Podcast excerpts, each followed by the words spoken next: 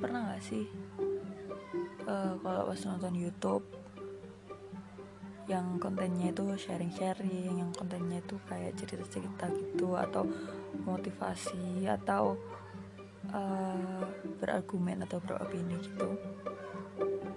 Terus kalian kan otomatis itu kan otomatis kita diajak berpikir kita diajak buat memahami gitu kan. Tapi aku tuh sering banget kayak nge-pause nge-pause video itu. Cuma buat ngajak diriku sendiri buat berdiskusi. Apakah kayak uh, itu bener sih cuma cocok nggak sama diri kita gitu?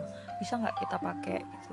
Kalau karena kalau misalnya ya bayangin ya kalau misalnya uh, ada yang uh, menonton kayak gitu atau misalnya podcast gitu ya terus mereka cuma iya iya aja dan mengikuti mengikuti prinsipnya mengikuti mengikuti cara mereka gitu. Padahal itu nggak sesuai. Otomatis kan uh, itu sama aja kayak kalian keluar dari diri kalian untuk menjadi orang lain gitu. Dan itu tuh aduh itu nggak bagus sih menurutku. Jadi sebaiknya kita tuh kayak ya udah ngajak diri kita buat uh, menyandingkan opini itu sama diri kita kalau memang mau kita ikutin.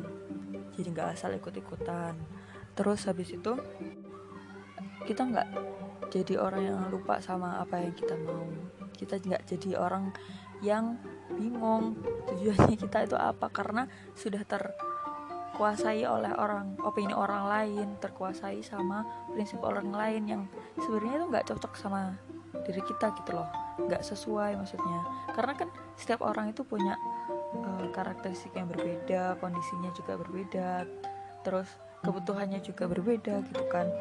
Jadi semuanya itu harusnya kembali ke diri kita gitu. Ya memang misalnya ada orang memang benar uh, ini apa opininya itu emang benar. Cuma kalau mau dipraktekin ke diri kita ya itu beda-beda gitu loh.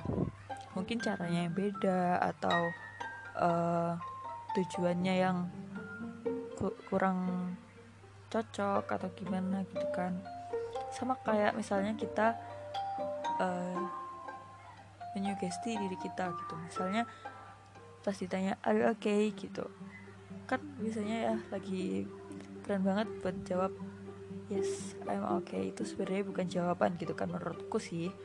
Itu cuma sugesti buat diri kita supaya kamu baik-baik aja kok gitu. Sudah itu cuma sugesti dan menurutku sugesti-sugesti yang kayak gitu itu juga perlu persetujuan dari diri kita gitu. Apakah itu perlu kita pakai atau apakah itu kita simpan aja? Soalnya ya yang tahu diri kita kan cuma diri kita sendiri gitu. Jadi kita kayak apa ya berusaha buat ngekip our own self insight gitu. Jangan sampai ada orang lain yang masuk dalam diri kita tanpa seizin kita.